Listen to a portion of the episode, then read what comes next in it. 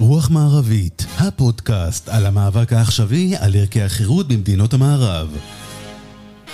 עורך ומגיש, אריאל ויטמן.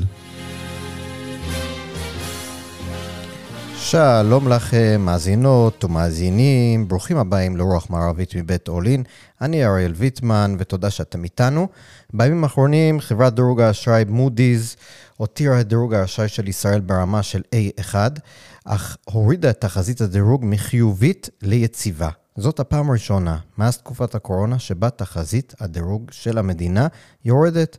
כך שנה בדיוק לאחר שמודי'ס החמיאו לכלכלת ישראל והעלו את אופק דירוג האשראי שלה, הוא יורד בחזרה לרמתו הקודמת.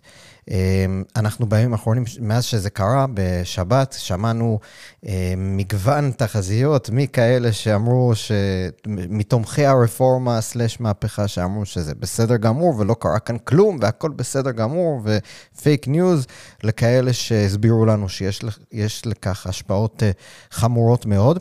אה, מי שקרא את הדוח, ככה, אז ראה שיש התייחסות מאוד מאוד מרכזית, זו הסיבה המרכזית אה, לכך שתחזית הדירוג השתנתה.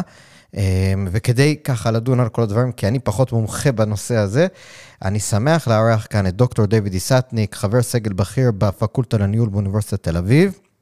את דוקטור דיוויד איסטניק. אהלן אריאל.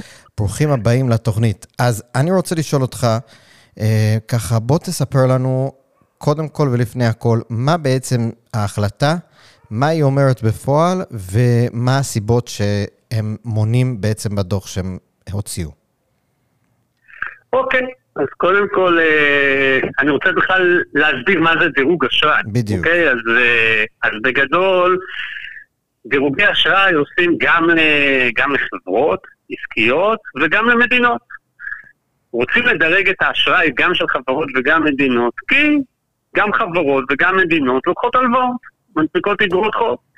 הציבור שמשתתף בהנפקות האלה, שקונה את אגרות החוב, בין אם זה אגרות חוב של המדינות ובין אם זה אגרות חוב של המדינות, לא מומחה בפרטים לגבי החברות האלה. נכון. בפרט לא יודע אם הסיכוי של החברות האלה לקשוט רגל הוא גבוה או נמוך. ולכן יש גופים, שלושה גופים, כן, מודי זה אחד מהגופים האלה, שלושה גופים עולמיים, שמדרגים אין אגרות חוב של חברות ציבוריות ואין אגרות חוב של מדינות. Mm-hmm. ולכן, כשאנחנו מדברים על דירוג האשראי, זה, זה מה שזה, אוקיי? זה, וחשוב לזכור, ככל שדירוג האשראי יותר גבוה, בעצם אותה סוכנות דירוג באה ואומרת, הסיכון או הסיכוי שמדינת ישראל תפשוט רגל הוא נמוך יותר, וככל שהדירוג יורד, זה אומר שהסיכון לפשיטת רגל הוא יותר גבוה. עכשיו, אני מניח שכולנו מבינים באופן אינטואיטיבי. ככל שהסיכון יותר גבוה, הריבית שידרשו המשקיעים כשהם נותנים הלוואה לממשלת ישראל, כשהם קונים את איגרת החוב של ממשלת ישראל, הריבית שהם ידרשו תהיה גבוהה יותר. כלומר, ככל שדירוג האשראי נמוך יותר, ההלוואות יעלו למדינת ישראל יותר כסף, מה שאומר שהיא תצטרך לשלם יותר הוצאות ריבית, תצטרך לשלם יותר הוצאות ריבית, ועלול לבוא על חשבון דברים אחרים. אז זה ככה בגדול מה זה, מה זה דירוג אשראי. ומה בעצם אה, החליטו? כן. בדיוק, אוקיי. עכשיו, עכשיו אנחנו נעבור לנקודה הזאת. עכשיו, דירוג האשראי נשאר כמו שהוא. דירוג האשראי נשאר A1. Mm-hmm. זה לא הדירוג המקסימלי, אבל זה דירוג שהוא יחסית גבוה.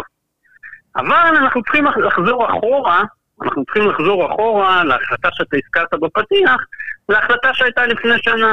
לפני שנה באה מודי'ס ואמרה, הכלכלה, הכלכלה בישראל עובדת מצוין, הממשלה הקודמת עשתה, והיא מזכירה את זה גם בדוח הנוכחי, עשתה רפורמות מבניות שהן בכיוון הנכון, כן. ולכן אנחנו באים ואומרים, אנחנו עדיין משאירים את הדירוג כדירוג A1, אבל נותנים תחזית דירוג חיובית. זה אומר שאם שנתיים, בתוך שנתיים אחרי שנתנו את התחזית החיובית הזאת, אם אנחנו נשתכנע שבאמת האינדיקציות הכלכליות שאנחנו זיהינו אז הן כל כך טובות, באופן אקטיבי נלך ונעלה את דירוג האשראי ונעביר אותו למדרגה הבאה. מה שקרה ביום שישי, ביום שישי באה מודי'ס ואמרה, זה כבר לא יקרה בעתיד הנראה לעין. אנחנו מבטלים את הסיכוי שדירוג האשראי של מדינת ישראל יעלה, ולכן אנחנו מבטלים את התחזית החיובית ומעבירים את תחזית הדירוג ליציבה. כן. זהו, זה מה שקרה. נכון, והם בעצם מונים, אני קראתי את הדוח בנקודות המרכזיות, בעצם הטענה שמה של מחברי הדוח, של האנליסטים של מודי'ס, זה בגלל בעצם השינויים המבניים לדמוקרטיה הישראלית, למוסדות הדמוקרטיים, שמערערים את הסדר החברתי ואת היציבות של המדינה, נכון? אני ככה בקיצור נמרץ נותן כאן את ה... אז, אז, אז, אז בואו נעשה סדר, ובעיניי, ובעיניי הפסקה, הפסקה השלישית בדוח, שתכלס אחרי שתי פסקאות שהן מעין פסקאות מבוא ופסקאות אה, טכניות, הפסקה השלישית בעצם אומרת את הליבה של הדברים. הפסקה השלישית באה ואומרת, תראו, הייתה כאן מחאה, והמחאה בלמה, היא שתה, הקפיאה את החקיקה וגרמה לקואליציה להתחיל דיאלוג עם האופוזיציה, נכון. אבל על, אבל על אף, על, אבל על אף שהמחאה עשתה את זה, וכרגע החקיקה מוקפאת או מושעת, כל אחד יבחר את המילה שהוא רוצה לבחור, בגלל שהממשלה, עצם זה שהממשלה ניסתה לעשות מהלך שלא בהסכמה רחבה, זה גורם לכך שהמוסדות במדינה מבחינת מודי'ס נחלשו, וזה גורם לכך שמודי'ס באה ואומרת שהיכולת שלנו לצפות מדיניות עתידית במדינת ישראל נחלשה. Aha. כי אם עכשיו ניסו לעשות כזה דבר שלא בהסכמה רחבה, מי שם לנו, מי, מי מתחייב בפנינו שלא ינסו לעשות עוד מהלכים כאלה בעתיד? נכון. זה הסיפור, בגדול. אז זאת אומרת, אם אנחנו ככה קצת הולכים קדימה, נתניהו וסמוטריץ' הוציאו הודעת תגובה, וגם לפני כן הדליפו שסביבת ראש הממשלה בעצם טוענת ששתי אה, דברים, אם אני מבין נכון, א' כל, שבעצם אה, החבר'ה במודי'ס לא בכלל מבינים מה קורה, מישהו הטעה אותם, זאת, זאת טענה אחת, והטענה השנייה, שזה אתה עכשיו התייחסת אליה ככה באופן ישיר, זה שבעצם... זה שמחה רוטמן אמר, שבעצם הורדת תחזית הדירוג נעשתה בגלל המחאה. ואתה בעצם בא ואומר פה שזה בדיוק הפוך. זאת אומרת, הדוח בעצם אומר שהמחאה בלמה הורדה נוספת, ו... זאת אומרת, בעצם בלמה את התופעות השליליות שהדוח מפחד מהן. נכון מאוד, נכון מאוד. אז א', אתה יודע, האמירה הזאת שבמודי'ס לא מבינים, כן. והפציצו אותם בפייק ניוז, והשפיעו עליהם, אז אתה צוחק, ואתה צוחק בצדק. אתה יודע, זה לא, במודי'ס מבינים, ומודי'ס זה סוכנות דירוג רציני, ואנחנו מבינים, אנחנו מבינים שאם התוצאה הייתה אחרת, אז, אז בדיוק אותם אנשים שעכשיו אומרים שבמודי'ס לא מבינים, היו מסבירים להם עד כמה הם מבינים, נכון. ועד כמה חשובים. ואם אנחנו נלך אחורה בארכיון, אנחנו נראה כל כך הרבה התבטאויות של נתניהו בתקופות שבהן דירוג האשראי עלה, והתחזיות נכון. עלו, תקופות שמסבירות עד כמה מודי'ס ותוכניות הדירוג האחר הן מאוד מאוד חשובות. אבל אני חושב, ש, אני חושב שאת הדבר הזה אפשר אה, להוריד מהשולחן. הדבר השני, לגבי המחאה, כן, אז אני חושב, אני חושב שמודי'ס כאן באה ואומרת בצורה די ברורה, היא יוצאת נגד דבר שאני מכנה אותו ספין. הרי, הרי, הרי הסתובב כאן, הסתובבה כאן תיאוריה, הסתובב כאן רעיון שיש כאן, אני חושב שסמוטריץ' הראשון שהשתמש בביטוי הזה, יש כאן אה, אה, שורפי הסמים, נכון. כן? ש, שבעצם המחאה והאזהרות של הכלכלנים וכולי וכולי, זה, זה, זה גורם לכך ש, שהכלכלה מידרדרת אה, וכולי. אז בדוח באים ואומרים לא, שדווקא דווקא זה מעיד על uh, חוזק של האוכלוסייה, זה, זה, זה, זה, זה מעיד על זה ש, ש, שיש כאן מחאה אזרחית חזקה וטובה.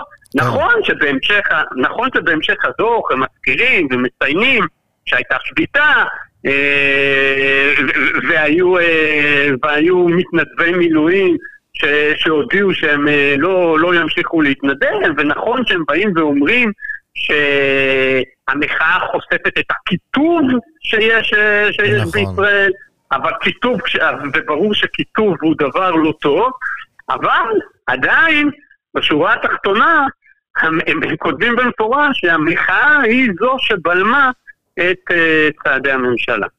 אז לגבי הכיתוב, מה בעצם אנחנו אה, ככה היום, אה, אה, אני, אני ככה רץ מנושא קצת אחר, אבל זה בדיוק קשור בזה, אנחנו מדברים הרבה על, אה, וגם דיברנו בתוכנית הקודמת שלנו שעשינו איתך, על החברה החרדית והאתגר שלה בכלכלה, ואנחנו שומעים כל מיני תוכניות, וגם אני חושב בדוח הזה של מודי'ס מדברים על זה שזה אתגר מאוד גדול לשילוב החברה, האוכלוסייה החרדית ונשים, אה, גברים חרדים ונשים ערביות בשוק העבודה. אה, וזה גם גורם לקיטוב, אני ראיתי שגם כותבים על זה הרבה, שזה, אני לא זוכר אם הזכירו את זה בדוח, אבל רמזו לזה. אתה אה, מזהה שהממשלה הזאת באמת... אה, זאת אומרת, הטענה היא שבסדר, אוקיי, אז נגיד בנושא המשפטי אנחנו לא מאה אחוז, אבל בדברים אחרים אנחנו עושים מהפכות, ואתה רואה כאן שיש איזשהו שיפור או כוונה, כאילו, אני, אני מנסה לחשוב, לא, משהו אז, חיובי. אז, אז לצערי, לצערי, התשובה היא לא עם אה, שלושה, ארבעה סימני קריאה. אני חושב שכשבאמת דיברנו לפני הבחירות, אנחנו כן. חשבנו שזה יהיה אחד מהאתגרים הכי גדולים של הממשלה הנוכחית הזאת, בניגוד למה שמספרים לנו, הנושא של המערכת המשפטית לא היה בלב בלב, אה, בלב הקמפיין, נכון. ונכון, בכלל לא דיברנו על זה. הציבורית, נכון, נכון, האמת שלא דיברנו על זה בכלל.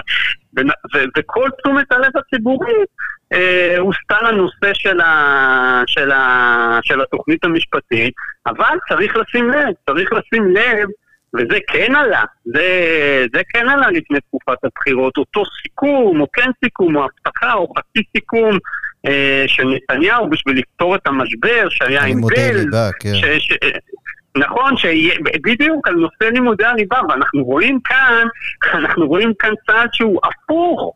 נכון. הפוך מתמרוץ לשילוב תעסוקה. אחד, להגדיל את הקצבאות לאברכים, שתיים, לתקצב מוסדות שלא לומדים ליבה, להשוות את התקצוב שלהם למוסדות שכן מלמדים ליבה. נכון. אז זה כמובן, זה, זה דבר שמופיע, מופיע בתקציב, זה דבר שמתכננים להעביר. Mm-hmm. ו- ו- וגם היום, כן, אנחנו, אנחנו מקליטים את הפודקאסט uh, ביום ראשון בערב, אז היום הייתה ישיבה בוועדת כספים, כן. ומגיע נציג של אגף התקציבים, ומדבר על האתגרים, ומדבר על... אה, זו הייתה שיחה, תקציב קדימה, ומדבר על האתגרים, ומדבר על, אה, ומדבר על שילוב חרדים, ועוצר אותו, אה, עוצר אותו גפני, יו"ר הוועדה, ואומר לו, אל, אל, אל תדבר על נושאים בעייתיים, אני מבקש שתעבור לדבר על נושאי מאקרו. כאילו זה לא נושא מאקרו. הנושא הזה, זה נושא המאקרו הכי חשוב שיש. נכון. אז אם אתה שואל אותי, אם אני חוזר לשאלה שלך, אם, אם הממשלה מתקדמת בכיוון הנכון בנושא הזה, אז התשובה היא לא מוחלט. לצערי הרב. הולכים אחורה. ההפך, לגמרי ההפך, לגמרי ההפך. עוד דבר שראיתי בהקשר של הדירוג האשראי זה שהיה מאמר בידיעות אחרונות של סבר פלוצקר, שהוא ככה הפרשן הוותיק בעיתון הזה, והוא בעצם אומר, אה, יש כל מיני בעיות עם הרפורמה כמובן, הוא לא תומך, אבל הוא אומר, הדירוג הזה כל הזמן טועה, הם טועים כל הזמן, והם לא רציניים, ואף אחד כבר לא לוקח אותם ברצינות, אה, וכל מיני דברים כאלה. אני חייב להגיד שקראתי את זה, אני קצת בשוק, כי, כי, כמו שאתה אמרת, כשעלינו בדירוג, אז כולם היללו אה, ואמרו כמה זה חשוב, וכשמורידים אז פתאום הם לא חשובים, אז כאילו, תעשה לי סדר, עד כמה באמת... אמ, אנחנו צריכים באמת להתייחס לדבר הזה, או שזה באמת אף אחד לא שם עליהם, כמו שהוא אומר, הם לא רציניים, הם עושים כל הזמן טעויות. איך אתה מסתכל על זה? אז, אז, אז, אז תראה, הסיפור של עושים אה, כל הזמן טעויות, אז בואו לא נשכח שלחברות הדירוג, אה, לפחות לכאורה, אה, הייתה איזושהי אשמה במשבר שהיה ב-2008. כן? כי כן. המשבר שהיה ב-2008, הקריסה של לימן, ברד, אה, לימן בראדרס, חלק מהסיפור הוא, הסיפור היה שלימן בראדרס השקיע במכשירים, mortgage back securities, מה שקוראים לזה, מכשירים, ניירות ערך שקשורים למשכנתאות, לא ניכנס בדיוק למנגנון של איך שזה עובד, וסוכנויות הדירוג נתנו למכשירים האלה דירוג מאוד גבוה, כן, דירוג שאומר שאין במכשירים האלה כמעט סיכון לפשיטת רגל, ואז הגיע המשבר של 2008, השוק המשכנתאות קרס, הנדל"ן קרס, המכשירים האלה פשטו, אה, ומי שהחזיק את המכשירים האלה פשט רגל, ולימן בראדרס יצאו מהשוק.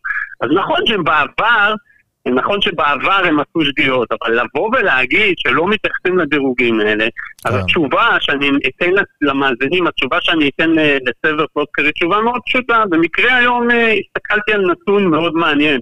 יש בשוק ההון אה, מכשיר שקוראים לו CDS. כן. Credit Default Swap. מה המכשיר הזה בעצם עושה? המכשיר הזה בא ואומר, נניח אני קניתי איגרת חוב של מדינת ישראל, mm-hmm. ואני מאוד חושש מפשיטת רגל, אז אני יכול לקנות את המכשיר הזה, והמכשיר הזה, המכשיר הזה נותן לי ביטוח בפני פשיטת הרגל של מדינת ישראל, הווה אומר, היה וחס וחלילה מדינת ישראל תפשוט רגל, אז בדיוק כמו שאני מפעיל ביטוח רכב או ביטוח חיים חס וחלילה, או ביטוח תכולה של דירה, אני אפעיל את הביטוח הזה ואקבל ממנפיק הביטוח, אני, אני, אני אקבל פיצוי על זה שמדינת ישראל אה, פושטת רגל. אז למה אני מספר את הסיפור הזה? כי אנחנו מבינים שככל שהסיכון לפשיטת הרגל עולה, אז מה אנחנו נצפה שיקרה למחיר של ה-CDS, אז אנחנו נצפה שהמחיר יעלה. נכון. ואם אנחנו מסתכלים, אם אנחנו הולכים אחורה לינואר, לארבעה בינואר, כן, אה, אה, אז יריב לוין, שר המשפטים, הציג, הציג את התכנית המשפטית, אפילו אם הולכים אחורה לבחירות, אבל בואו נעזוב את הבחירות, נתמקד רגע מינואר,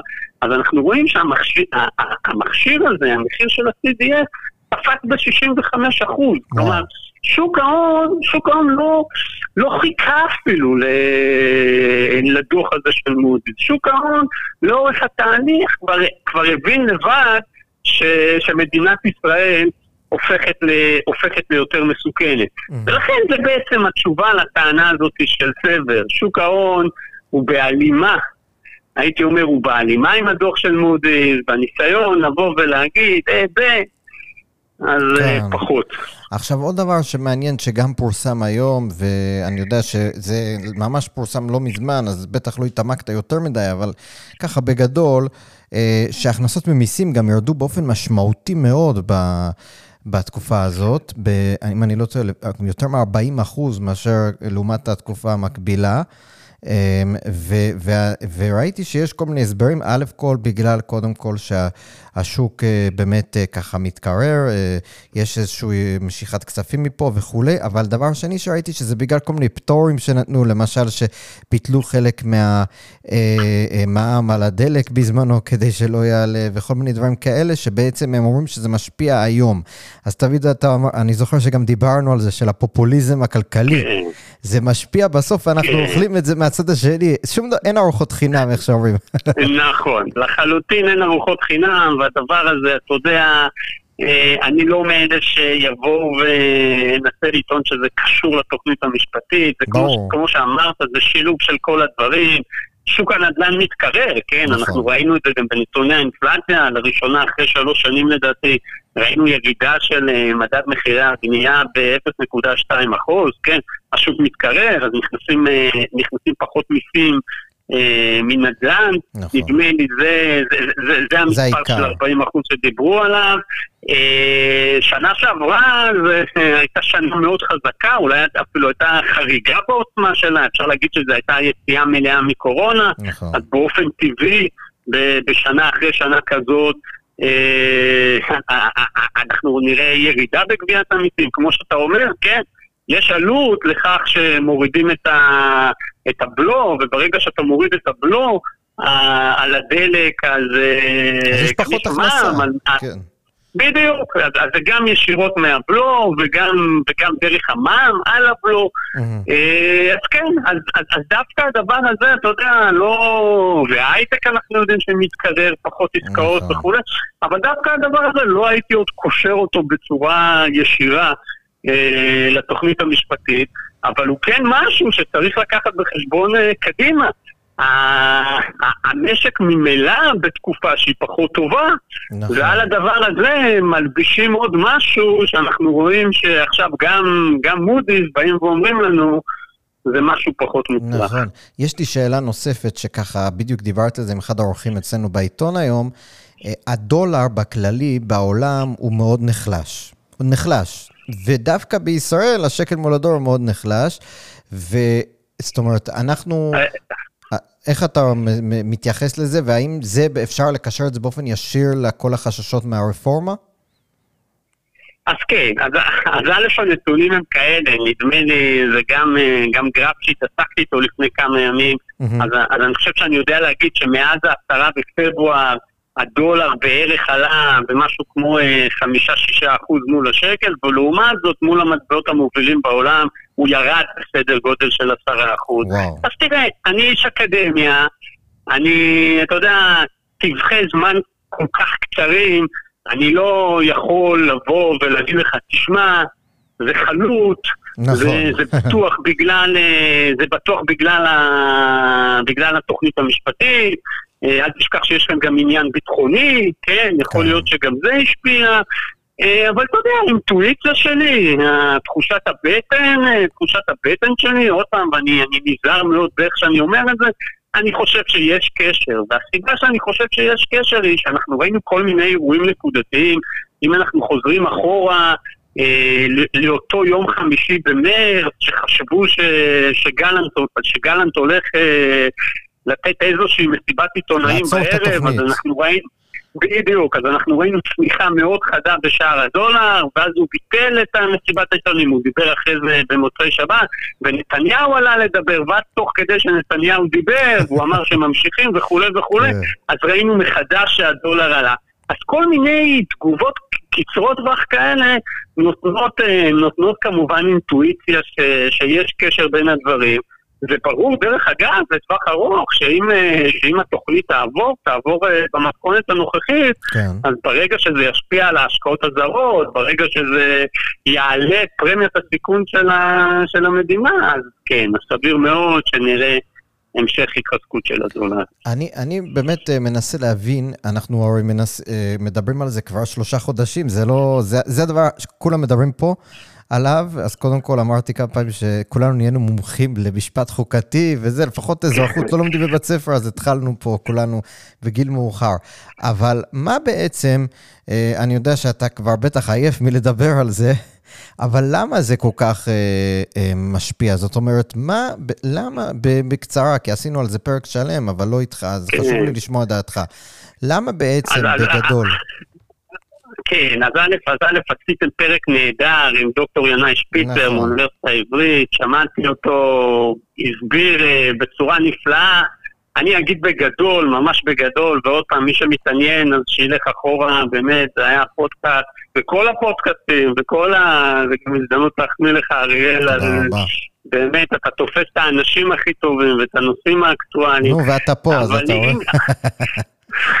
תודה, לא, לא, לא, לא, לא התכוונתי להחמיא לי בדרך עקיפה, אבל, אה, אבל אם נחזור לשאלה שלך, אז בסוף, בסוף, בסוף, אני חושב שהעניין הוא העניין הבא. הספרות וכלכלה שעוסקת במוסדות, וינאי דיבר על זה, אומרת דבר מאוד פשוט. כשרשות מבצעת לא קושרת לעצמה את הידיים, בממוצע זה רע לפיתוח וצמיחה כלכליים. Mm-hmm. עכשיו, מה הרעיון של לקשור, מה הרעיון של רשות מבצעת שקושרת לעצמה את הידיים? אני אוהב להסביר את זה דרכי. אני מטורף על שוקולד, מטורף okay. אוקיי. מטורף על שוקולד.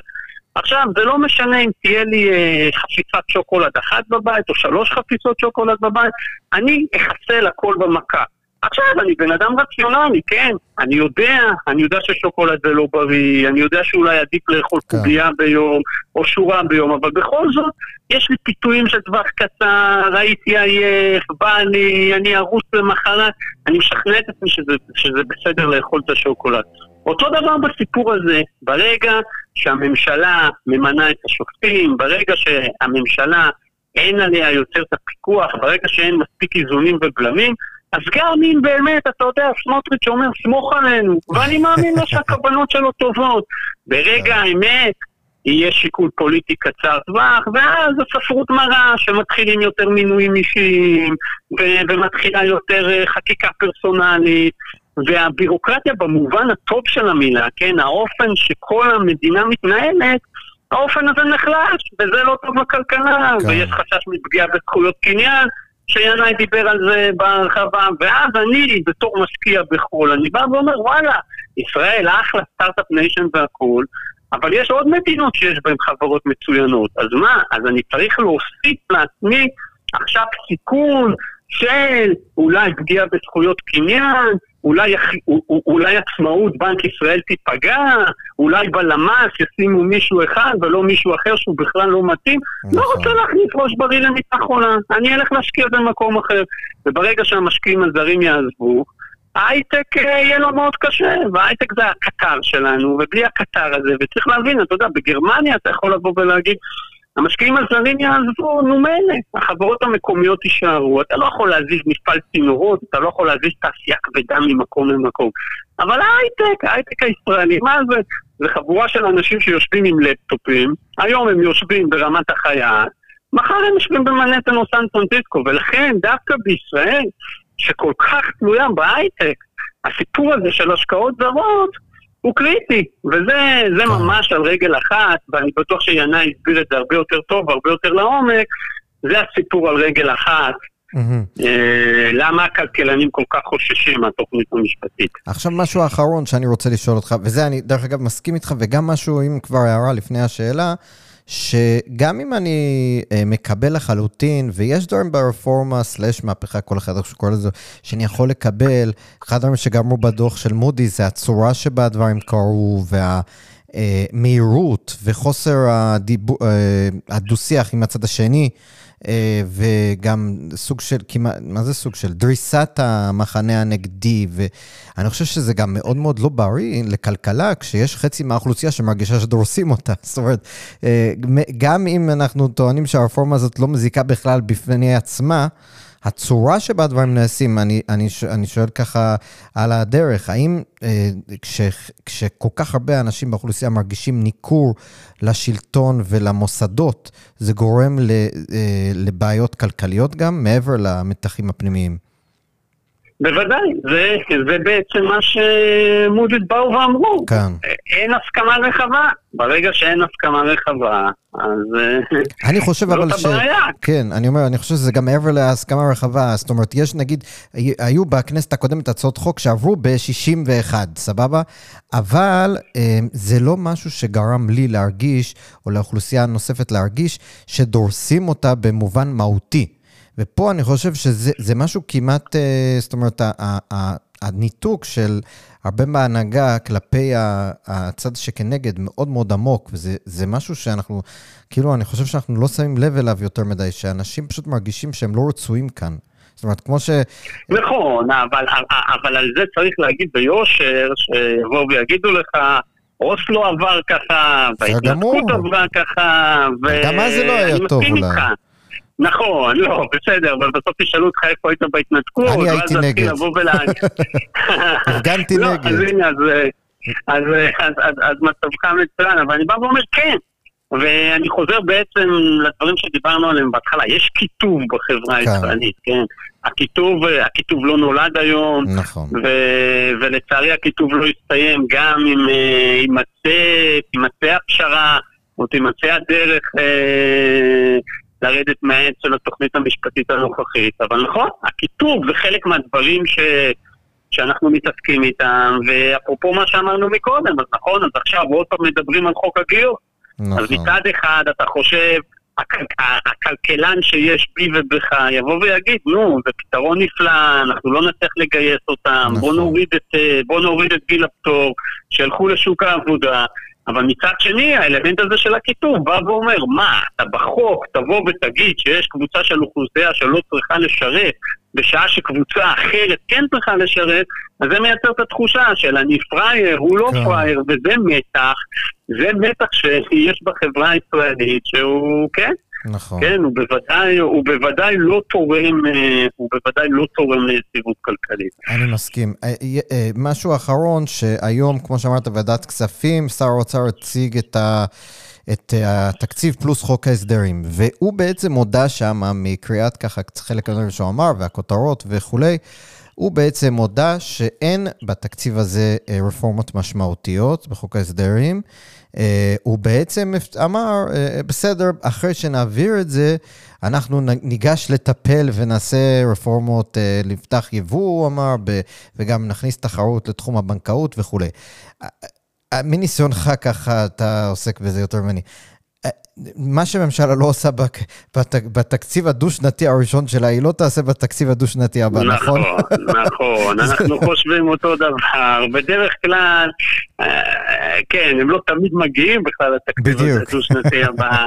אבל חוק ההסדרים, אתה יודע, ויש כאלה שמבקרים את חוק ההסדרים, וזה אולי לפודקאסט שלם אחר. נכון. אבל זה חלק מהרעיון של חוק ההסדרים. דוחפים הרבה דברים ביחד.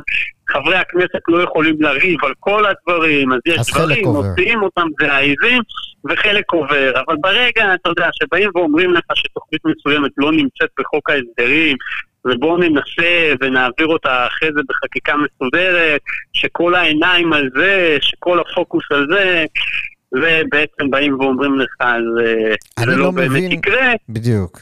אני לא מבין למה, אה, למה הם לא ניסו להכניס כל מיני, כמו שאתה אומר, עיזים, לפחות חלק היה עובר. אני בטוח שיש באוצר תוכניות כאלה. אני חושב, אה, אם מותר לי, וגם, לא רק אני חושב, ככה הבנתי מאנשים שם, זה ש... ואתה בטח גם, שבעצם הם כולם מתעסקים בסיפור המשפטי, וכל הפוקוס שם, הם לא רוצים בכלל להשקיע אנרגיות בלריב בנושאים שבתקציב חוק ההסדרים, אז הם החליטו, אה, הם החליטו להזניח את כל הנושא הזה, וזה חבל מאוד, כי אני ראיתי ב... אני לא צופה בשבת, אבל ראיתי ככה ש-N12 למשל, אה, קשת, עשו סקר באולפן שישי, ומשהו, רוב הציבור, כולל רוב בוחרי הליכוד, בעד קודם כל לטפל ביוקר המחיה ובאיכות חיים, ורק איזה 20% גם עם מצביעי הליכוד תומכים ב, ב, ב, שהממשלה קודם כל תטפל בסוגיה המשפטית. ובמקום זה הפכו את היצרים, כמו שאמרת גם ב... ב בבחירות, אנחנו בכלל לא התעסקנו, הכל היה על יוקר מחיה, והיה גם קצת אולי ביטחוני, על משילות, אבל זה בכלל לא היה אישיו. זה כל כך מבאס.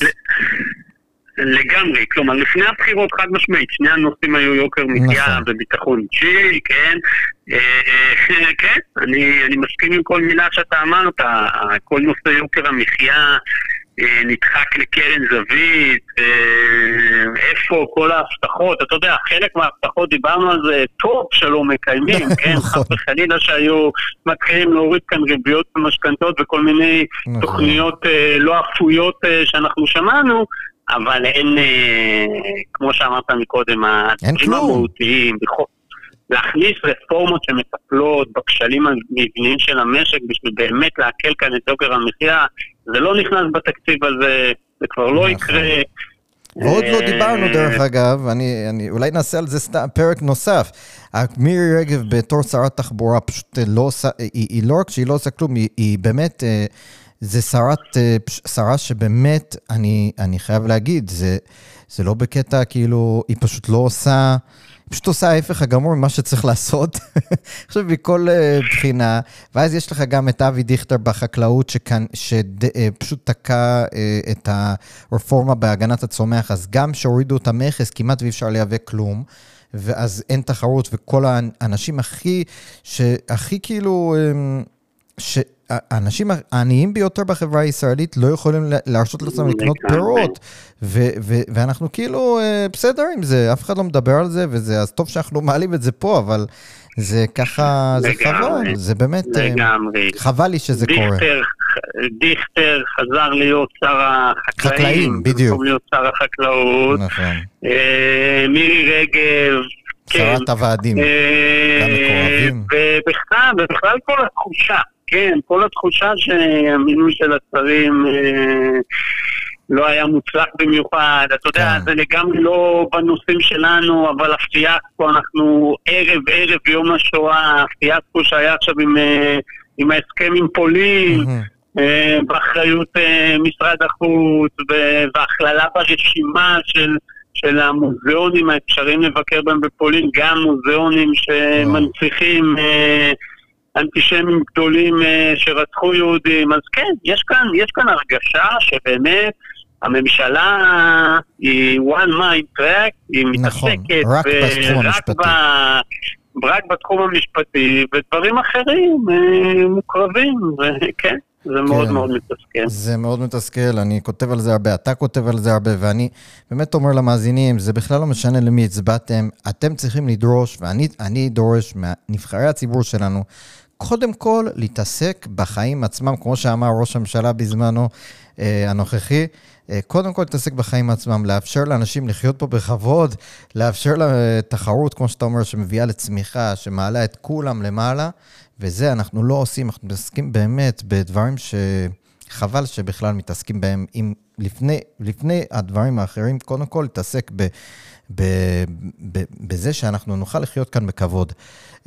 דוקטור דיוויד דיסטניק, אני חושב שאתה הסברת לנו בגדול את הנושא. אני חושב גם שנגענו ככה בנושאים אחרים, ואני מקווה, אולי מישהו בממשלה יקשיב לנו, אה, שרי הממשלה, אה, אולי מישהו יעשה משהו, באמת, חבל מאוד. אולי השר סמוטריץ', שאני קצת מכיר אותו, כוונותיו לפחות בתחום הכלכלי הן טובות. אה, הוא יודע את הדברים, ו- והוא לא עושה את זה כנראה בגלל שכמו שאמרנו, רוצה, רוצים להתמקד בתחום המשפטי, אבל, uh, אבל יש עוד הרבה דברים לעשות. וגם אם אתה סבור שמה שעושים בתחום המשפטי הוא הכי טוב שיש, תתמקד גם בנושאים האחרים. אה, מה גם שבתחום המשפטי כנראה שזה לא הכי טוב שיש, כמו שאומרים. אז דוקטור דישטניק, תודה רבה לך שהיית איתנו. מודה לך תודה מאוד. תודה רבה, אריאל. היה כיף, והיה נפלא. וזהו. ונתראה בפרק הבא מתישהו. בדיוק, ותודה לכם, מאזינות ומאזינים. תודה שהייתם איתנו, אתם יכולים למצוא אותנו בספוטיפיי, בפייס... באפל פודקאסט, בגוגל פודקאסט, אותי ברשתות החברתיות, בפייסבוק, קצת בטוויטר לאחרונה. אנחנו נמצאים במעל 50 פלטפורמות, ככה נאמר לי, ותודה רבה לכם.